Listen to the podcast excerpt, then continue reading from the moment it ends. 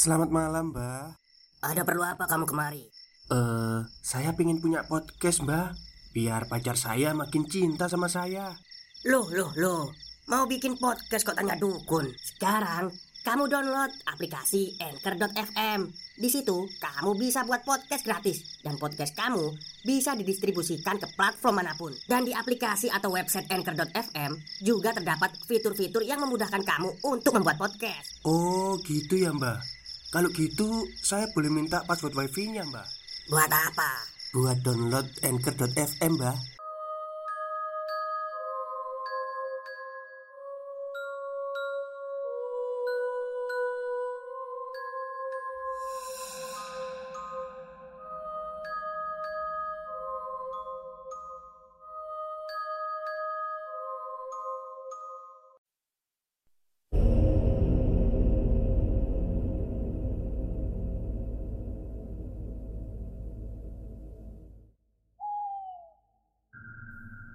Assalamualaikum warahmatullahi wabarakatuh. Halo semuanya. Jumpa lagi dengan saya Chow Sing Sing Kurator dari podcast Horror Night Story.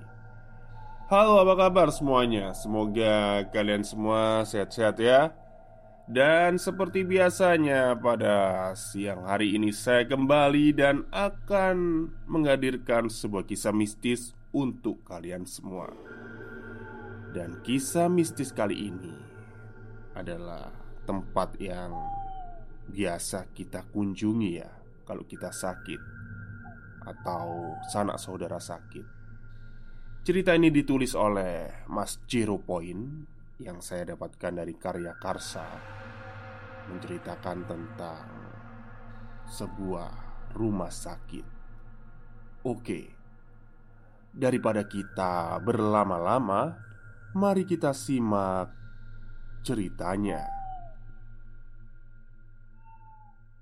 2013 Dari meja jaga perawat ruang ICU Samar terdengar suara bunker roda berjalan mendekat.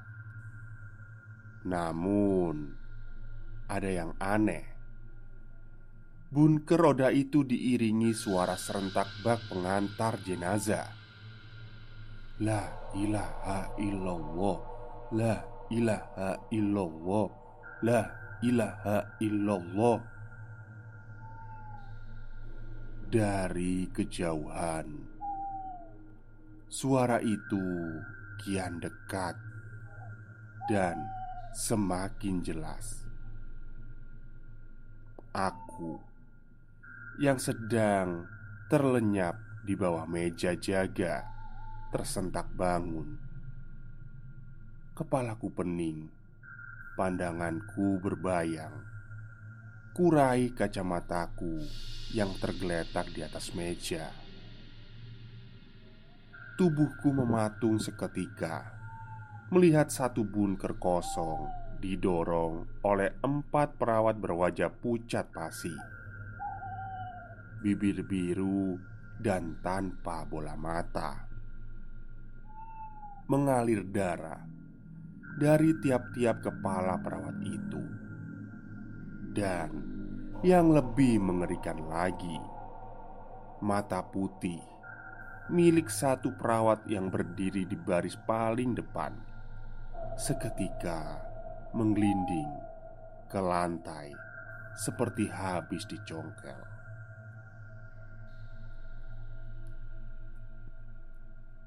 Temaram, seolah tak mempedulikan rasa sakit dan darah yang merembas di kepala dan badan. Aku terpaku, tak dapat menggerakkan sendi-sendi tubuhku sendiri. Ingin berteriak sekeras-kerasnya, namun leher seolah tercekat Aku hilang kendali diri, panik, dan takut menguasaiku sepenuhnya. Satu-satunya yang dapat kulakukan adalah menatap sosok mengerikan itu yang berada di garis lurus yang sama dan kian mendekat ke arahku, seraya hendak menjemputku untuk naik ke bunker kosong yang mereka bawa. Gilanya lagi, mereka juga terus mengucapkan kalimat doa yang biasa dilafalkan oleh para pengantar jenazah. La ilaha illallah, la ilaha illallah, la ilaha illallah. Bisa kalian bayangkan bagaimana posisiku saat itu? Satu-satunya yang kuingat hanya wajah ibuku di kampung halaman yang belum sempat aku kunjungi. Langkah mereka semakin cepat, menggaung suara tawa memekik dari berbagai arah. Aku seperti berada di jalan buntu, yang mana hanya bisa menangis Secepat kilat. Keempat perawat mengerikan Dan bunker roda itu Menabrakku dengan keras. Berikutnya Pandanganku gelap. Aku tersadar Membuka mata di ruang IGD Bu Desi Salah seorang perawat senior menghampiri untuk memeriksa kondisiku dia mengatakan, "Semalam aku kejang-kejang di meja jaga dengan mata mendelik ke atas. Untung saja cepat ditemukan oleh Pak Manto, satpam rumah sakit yang sedang berkeliling. Aku masih ingat betul apa yang menimpaku tadi malam. Rasanya begitu nyata Sekujur tubuhku remuk. Ada luka lebam membiru Di beberapa bagian badan Seperti Bekas benturan benda tumpul. Sebenarnya Tadi malam kamu kenapa sih? Tanya Bu Desi. Aku gagap menjawab Tetapi Bu Desi melanjutkan kalimatnya kamu indigo. Sebelumnya ada perawat juga yang indigo. Dia resign karena sakit Gak kuat katanya. Tapi sebelumnya Gejalanya persis kayak kamu Kejang-kejang kayak gitu pas lagi jaga rawat. Aku menggeleng pelan menyangkal. Entah mengapa Aku tidak suka dan merasa tidak pantas mendapatkan predikat sebagai anak indigo. Meskipun aku memang peka dan kerap bersinggungan dengan mereka yang tak kasat mata, namun kenyataan itu bagiku seperti hal yang memalukan yang harus kusembunyikan rapat-rapat. Lagi pula, Aku bukan seorang praktisi. Kontrol mataku sendiri saja, aku tak bisa. Ya, kadang mereka terlihat jelas, kadang samar, bahkan kadang hanya suara saja yang kudengar. Aku tidak tahu apa yang menyebabkan begitu. Namun, yang pasti, Sejak aku menstruasi pertama sampai saat ini Usiaku menginjak 24 tahun Aku masih belum bisa terbiasa dengan keberadaan mereka yang ada di sekitarku. Rasanya seperti aku bisa saja mati jantungan sewaktu-waktu. Aku memang terhitung baru menjadi perawat di rumah sakit ini. Sebelumnya, aku hanya berani bekerja menjadi perawat di sebuah klinik kecil yang tak jauh dari rumah. Ya, kepekaanku terhadap mereka menjadi alasanku memilih bekerja di klinik. Bagiku, kala itu rumah sakit seperti tempat penyiksaan mental. Namun, satu tahun ke belakang, aku merasa diriku sudah tak lagi sepeka dulu. Aku bahkan sudah jarang bersinggungan, apalagi melihat mereka. Yang paling parah, aku hanya melihat gumpalan asap membentuk sebuah sosok, siluet bayangan hitam, dan suara-suara aneh yang masih bisa dihiraukan dengan headset. Karena itulah aku memberanikan diri melamar untuk bekerja lagi di rumah sakit. Selain sudah merasa aman, gaji yang kudapat juga lebih besar bekerja di rumah sakit dibandingkan dengan klinik. Kenapa bisa begitu, Bu? Perawat itu kenapa? Tanyaku balik ke Bu Desi penasaran. Mending kamu gak usah tahu deh. Lagi sering jaga malam kan kamu? Kekeh Bu Desi. Singkat cerita, aku tak terlalu memikirkan mengenai peristiwa tempo hari. Kadangkala, Sakit juga bisa merenggut alam sadar dan membuat kita berhalusinasi. Jadi, kusimpulkan saat itu aku hanya sedang tidak sehat saja. Sekarang, aku mendapat gilir jaga IGD. Baru saja seluruh pasien IGD ditransfer ke kamar rawat. Jadi, IGD malam ini nampak sepi hanya tersisa satu pasien koma yang masih menunggu pihak keluarganya tiba. Suara sirine ambulan berbunyi nyaring, memecah hening malam. Ramai sentakan langkah para perawat sigap menghampiri membawa bunker roda. Tari rekan perawatku menyiapkan satu tempat tidur di IGD. Aku ikut membantu. Ada pasien darurat apa, Tar? Kok tumben gak ada info dulu ke IGD kalau mau ada pasien dari ambulan kita? Ujarku. Tari tak menjawab.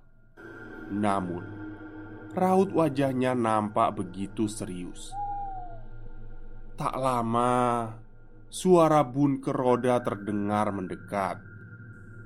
Rombongan para perawat dan satu dokter membuatku tersisi menepi. Ku perhatikan mereka. Tak ada satupun yang ku kenal kecuali Tari. Yang lainnya nampak asing. Peacemaker atau alat paju jantung digunakan untuk memompa detak jantung pasien yang tengah kritis itu.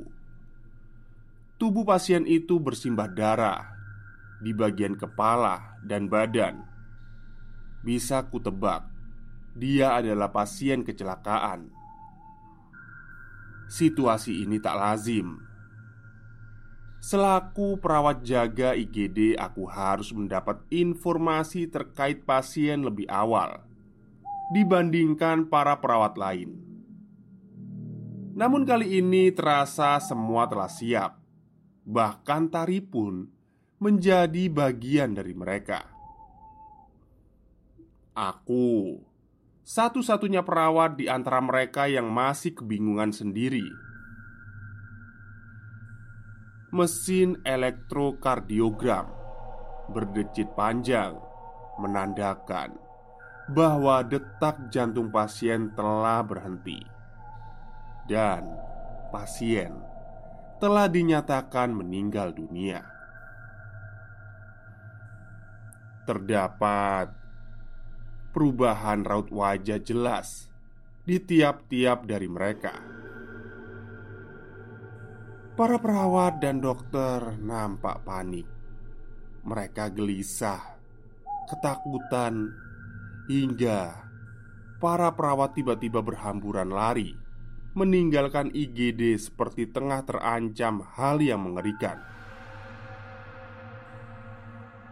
Aku semakin bingung ketika Tari ikut lari meninggalkan ruang IGD dengan gemetar. Ini kenapa, dok? Ini kenapa? Ada apa ini, dok? Tanyaku pada dokter Satu-satunya orang yang tersisa di ruang IGD Dia nuntut balas. Ucapnya singkat. Rahang dokter itu mengeras. Tatapannya berubah tajam Namun terasa kosong mengawang. Dokter itu berbalik badan. Betapa terkejutnya aku kala melihat dokter itu berjalan dengan kepala bagian belakang pecah dan punggung yang bercucuran darah ke lantai, seperti habis terseret di aspal. Sontak aku terkesiap, jantungku terasa menggelinding entah ke mana. Ingin rasanya berteriak, namun tenggorokanku tercekat seketika Kaki-kakiku gemetar bukan main. Sus, tolong sus, sakit. Terdengar suara memanggil dan merintih Dari tempat pasien meninggal tadi. Aku ketakutan setengah mati sampai menangis. Nafasku tersengal-sengal Sus Tolong sus. Dengan sisa-sisa tenaga yang kupunya Aku berjalan pelan Memeriksa sumber suara. Mataku Menyisir tiap-tiap tirai tempat tidur kosong Secara perlahan sembari mempersiapkan keberanian dalam diri hingga tiba di tirai pembatas tempat pasien itu berada. Aku hanya berani menilik separuh dengan sedikit memiringkan kepala. Kamu tahu, pasien itu duduk bersandar di atas ranjang.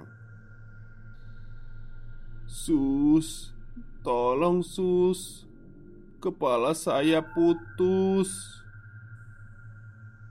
Dia mencengkram rambut dan entah bagaimana bisa Menarik kepalanya sampai terangkat memisah dengan badan. Aku memejamkan mata. Dan Kedua tanganku menutup telinga sembari berharap ada yang segera datang menolong.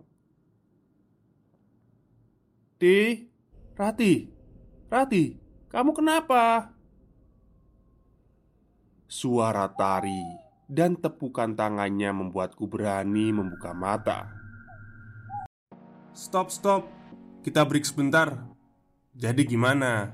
Kalian pengen punya podcast seperti saya? Jangan pakai dukun, pakai anchor Download sekarang juga Gratis Tar, itu pasien itu Tar Aku menunjuk ke tempat tidur pasien tadi Pasien apa? Mana sih ada pasien? Ujar Tari Gak ada pasien lagi Rati Jelasnya Hah? Itu Tar? yang tadi di Kalimatku terhenti ketika melihat tempat tidur rawat tempat pasien tadi masih tertata rapi seperti semula. Gak, gak mungkin. Tadi kamu ikut tindakan, Tar, sama dokter. Ah, ngaco kamu. Wong aku habis makan di depan, bantah Tari belum hilang gemetar di badan, dan kaki-kaki yang melemas. Rasanya peristiwa tadi benar-benar nyata, bukan mimpi. Tapi bagaimana bisa? Pukul 01.30 dini hari Lalu lalang rumah sakit memasuki waktu paling tenang Lorong-lorong tampak sepi sunyi. Ditambah Gemericik krimis membuat hawa malam itu terasa dingin menusuk kulit. Salah seorang satpam Yang tengah berjaga di pos persimpangan antara lorong menuju kamar rawat dan lorong menuju laboratorium, mendapati dari kejauhan ada seorang pria parubaya berjalan pincang mendekat ke arahnya. Kian dekat, kian jelas. Peristiwa itu membuat sang satpam melihat hal itu. Pria itu nampak basah kuyup Mungkin kehujanan tuh orang Pikir sang satpam Wajahnya pucat pasi Pandangannya kosong lurus ke depan Melewati satpam tersebut begitu saja tanpa menoleh Padahal Bapak satpam yang berjaga sudah melempar senyum Tapi tidak dihiraukan Akhirnya, satpam pun menegur pria itu. "Mau ke mana, Pak?" Pria setengah beruban itu tak menanggapi barang sepatah pun. Dia terus berjalan pelan, memasuki lorong yang menuju laboratorium, ruang tindakan dan kamar mayat. "Pak, bapak mau ke mana? Ada yang bisa saya bantu?" Satpam itu pun menyusul pria itu. Aneh, pria itu hanya mengangkat satu tangan, lalu menunjuk ke arah lorong di depannya. "Iya, Pak, mau ke mana ya?" tanya Satpam sekali lagi. Pria itu terus berjalan Mengabaikan sang satpam Pak, sudah malam Yang tidak berkepentingan dilarang masuk area ini Tegasnya Bapak mau ke mana? Sekitar tiga langkah di depannya Kepala pria parubaya itu memutar 180 derajat menghadap ke arah satpam. Separuh pipinya penuh luka basah tanpa kulit. Kedua matanya bolong dan hidungnya nampak bengkok. Dan seketika kedua lengan dan kakinya putus terpisah-pisah seperti habis dimutilasi. Saya mau cari jasad saya. Potongan badan dan kepala itu berbalik, menyentak dengan suara berat. Terkejut, satpam itu pun pingsan di tempat. Keesokan harinya, cerita yang dialami oleh satpam itu beredar cepat ke seluruh lapisan rumah sakit. Bahkan, aku mendengar ragam cerita mengerikan yang ikut menguap di permukaan terkait cerita kelam rumah sakit ini. Aku merinding ketika mengetahui ciri-ciri makhluk pria baru baya itu yang disebutkan satpam itu amat serupa dengan ciri-ciri pria korban kecelakaan yang aku lihat di IGD. Hari-hari berikutnya banyak teror mengerikan yang terjadi di rumah sakit ini. Bukan hanya dialami oleh tenaga medis, tapi pasien juga mengaku melihat perawat dan dokter berwajah hancur mengantarkan obat ke kamar rawat inap mereka kalah tengah malam. Bahkan ada juga pasien yang mendaftarkan diri sebagai pasien dari nama dokter yang sudah lama meninggal. Pasien tersebut mengaku minggu lalu telah ditangani oleh dokter itu hingga ia dapat jadwal kontrol di minggu berikutnya. Namun, ketika dikonfirmasi dokter atas nama yang dimaksud telah lama meninggal karena serangan jantung saat bertugas malam di rumah sakit itu. Perihal pria parubaya yang kutemui beredar kisah bahwa beberapa tahun yang lalu memang ada korban kecelakaan yang dialami oleh pria berciri-ciri serupa Pria itu meninggal ketika sedang dalam penanganan. Namun, pasien itu tidak memiliki identitas yang jelas dan sanak keluarga yang diketahui. Konon, mayat pria itu dijadikan malpraktek dan perdagangan organ-organ dalam. Hingga saat ini, sosok astral dari pria Barubaya itu kerap bergentayangan di rumah sakit itu, mencari-cari di mana jasadnya. Epilog Sudah lebih dari lima jam Kuperhatikan bapak itu Duduk di lorong ruang tunggu Sampai tengah malam begini Entah apa yang ditunggu. Dia hanya duduk terdiam sembari menatap lurus tanpa mempedulikan sekitar. Karena merasa iba, aku menghampiri. Pak, dari tadi saya lihat Bapak di sini aja. Lagi nunggu apa, Pak? Bapak yang kusapa tak menjawab, bahkan melirik pun tidak. Bulu romaku seketika meremang, senyap dan dingin lorong, seketika menusuk hingga ke tulang.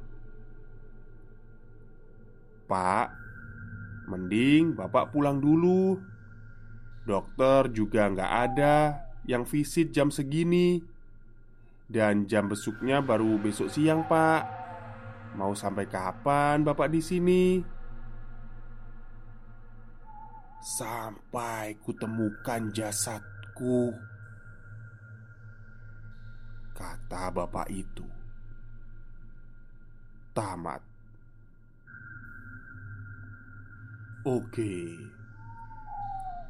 Itulah cerita pendek dari Mas Zero Point dari website Karya Karsa yang saya uh, apa ceritakan tadi ya. Jadi rumah sakit itu adalah tempat yang menurut saya itu cukup sakral ya. Karena hidup mati seseorang itu kebanyakan ada di sana Entah itu operasi, entah itu kecelakaan atau apa. Pasti sebelum mereka meninggalkan dunia ini, pasti mereka bermukimnya di sana. Soalnya kan pasti dirawat toh. Ya, tak heran kalau rumah sakit itu menjadi sebuah objek yang menakutkan, apalagi bagi orang yang bekerja di sana. Tapi kalau yang udah bekerja di sana lama, udah biasa ya, ya biasa aja ya, nggak ada apa-apa gitu. Pernah sih saya suatu ketika menengok rekan saya, teman saya yang sedang sakit. Waktu itu saya masih SMA. Eh, dia dirawat di RSUD. Ya tidak bisa saya sebutkan ya, pokoknya RSUD gitu aja. Dirawat di RSUD karena waktu itu kita, saya teman-teman itu bisanya jam 9 malam Akhirnya berangkat jam 9 malam Sampai sana sekitar ya setengah jaman gak lama kok Satu jam lah ya, Jam 10 udah tiba mungkin ya Keadaan rumah sakit udah sepi sih waktu itu. Udah Sebenarnya kalau yang di depan di ruang resepsionis masih ada orang ya rame-rame dikit lah. Tapi karena kamar dari teman saya ini agak masuk ke dalam Jadi yang saya nggak hafal ya eh, lokasinya, denahnya. Pokoknya agak masuk gitu Bangsal apa gitu rupa Bangsal mawar atau apa gitu Nah. Itu kan kita berlima gitu kan. Nah ada mesin tahu nggak sih mesin mecin buat minuman gitu kan? Nah itu kan ya baru lihat hal kayak gitu kan saya seneng toh. Yes anak-anak itu pingin coba-coba sih Coba sih bila, bisa nggak sih beli minuman lewat mesin ini gitu kan. Nah akhirnya saya sama si teman saya ini nyoba Oki namanya. Tiga orang ini masih lurus. Lurus e, nyari kamar itu tadi. Ya nanti kita nyusul lah gitu kan. Akhirnya nyoba mesinnya udah bisa. Wih minumannya udah keluar ya dari mesinnya itu. Ya udahlah kita jalan gitu kan. Waktu jalan Kita itu melihat tiga teman kita Itu berada di pojokan gitu Kayak ada ruang duduk gitu. Itu beneran itu. Itu ngapain mereka duduk di situ gitu kan? Kan bangsalnya kan belok kiri Tapi mereka itu masih di depan tapi duduk Kayak duduk di bangku gitu. Terus diteriakin sama si Oki Woi ayo cepet. Habis ini Habis jenguk kita cepet-cepet pulang Udah malam Diem aja tuh tiga orang itu tadi Persis kayak teman kita. Nah Akhirnya Gak dihiraukan lah sama kita. Kita langsung ke kamarnya si Pasien lah Teman kita yang habis sakit itu tadi. Ternyata di dalam kamar itu sudah ada tiga teman kita tadi. Nah Kaget lah ya kita berdua Tapi nggak cerita Si Oki sama saya itu nggak cerita ke anak-anak Baru besoknya di sekolah baru cerita Kalau kita habis melihat hal itu tadi Jadi ada yang menyerupai teman kita lah intinya Oke mungkin itu saja cerita untuk siang hari ini. Kurang lebihnya, saya mohon maaf. Wassalamualaikum warahmatullahi wabarakatuh.